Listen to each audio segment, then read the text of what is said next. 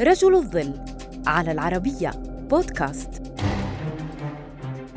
عندما أغلقت أبواب أوروبا أمام اليهود وفي تبعات أعظم عمليات الإبادة الجماعية تاريخيا الهولوكوست حيث لم يجدوا مفرا لهم من بين الكثيرين مسؤول ياباني أخذته بهم الرأفة ففتح الباب للآلاف منهم وأنقذهم بإجراءات تحت الطاولة كلفته خسارة وظيفته.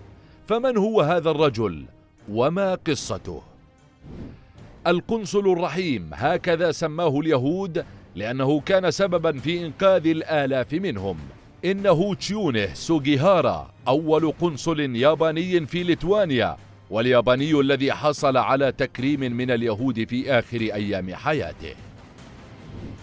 ولد سوغيهارا عام 1900 وأراد أن يكون مدرسا للغة الإنجليزية. لكن أحلامه تبددت بعد أن ترك المدرسة لأسباب مادية ثم حصل على منحة ليصبح متدربا في اللغة الروسية ومن ثم دبلوماسيا.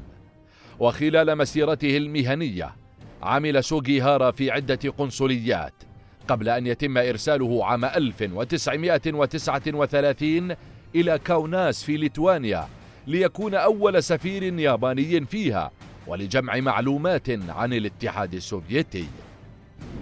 بعد الغزو الألماني لبولندا عام 1939 لجأ مئات الآلاف من اليهود وغيرهم من البولنديين الهاربين من النازيين إلى ليتوانيا كوجهة مؤقتة. ولكن مع اقتراب السوفييت من ليتوانيا خشي اليهود على حياتهم فيما لم يكن سفرهم ممكنا بسهولة لعدم امتلاكهم الأموال أو تأشيرات السفر لدول أخرى كما أنهم كانوا مضطهدين في أوروبا التي أقفلت أبوابها أمامهم. في صبيحة يوم الثامن عشر من يوليو عام 1940 فوجئ سوغيهارا بلاجئين يهود تجمعوا أمام القنصلية طالبين تأشيرات عبور إلى اليابان بحيث يمرون من اليابان إلى وجهة نهائية التي كانت في الغالب جزيرة كوراساو الهولندية في الكاريبي أرسل سوغيهارا طلبهم إلى وزارة خارجية بلاده لكنها رفضت الطلب ما جعله في حيرة من أمره حول تقديم المساعدة. تغاضى سوغيهارا عن رفض وزارته ومنح من استطاع من هؤلاء اللاجئين تأشيرات للعبور إلى اليابان وبالتالي الذهاب إلى وجهات أخرى. ومع دخول السوفييت إلى ليتوانيا وفي يوليو عام 1940 أمرت السلطات السوفيتية السفراء الأجانب بمغادرة البلاد لكن سوغيهارا طلب تمديدا لمساعدة المزيد من اللاجئين. واستمر في كتابة التأشيرات حتى إنه قام بتسليم التأشيرة الأخيرة من خلال نافذة القطار الذي نقله من ليتوانيا.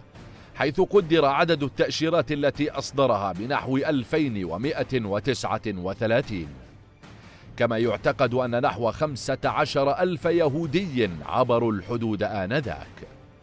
اعترف سوغيهارا في رده على حكومته بأنه أصدر تأشيرات بدون موافقة بلاده.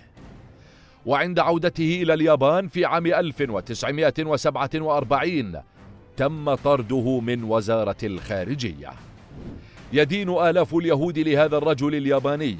ومع ذلك فإن اسمه لم يذكر ولم يكرمه أحد حتى عام 1985 حيث بدأ اليهود ذكره في مناسباتهم وحظي بتكريمات مختلفة منهم لكنه توفي في العام اللاحق.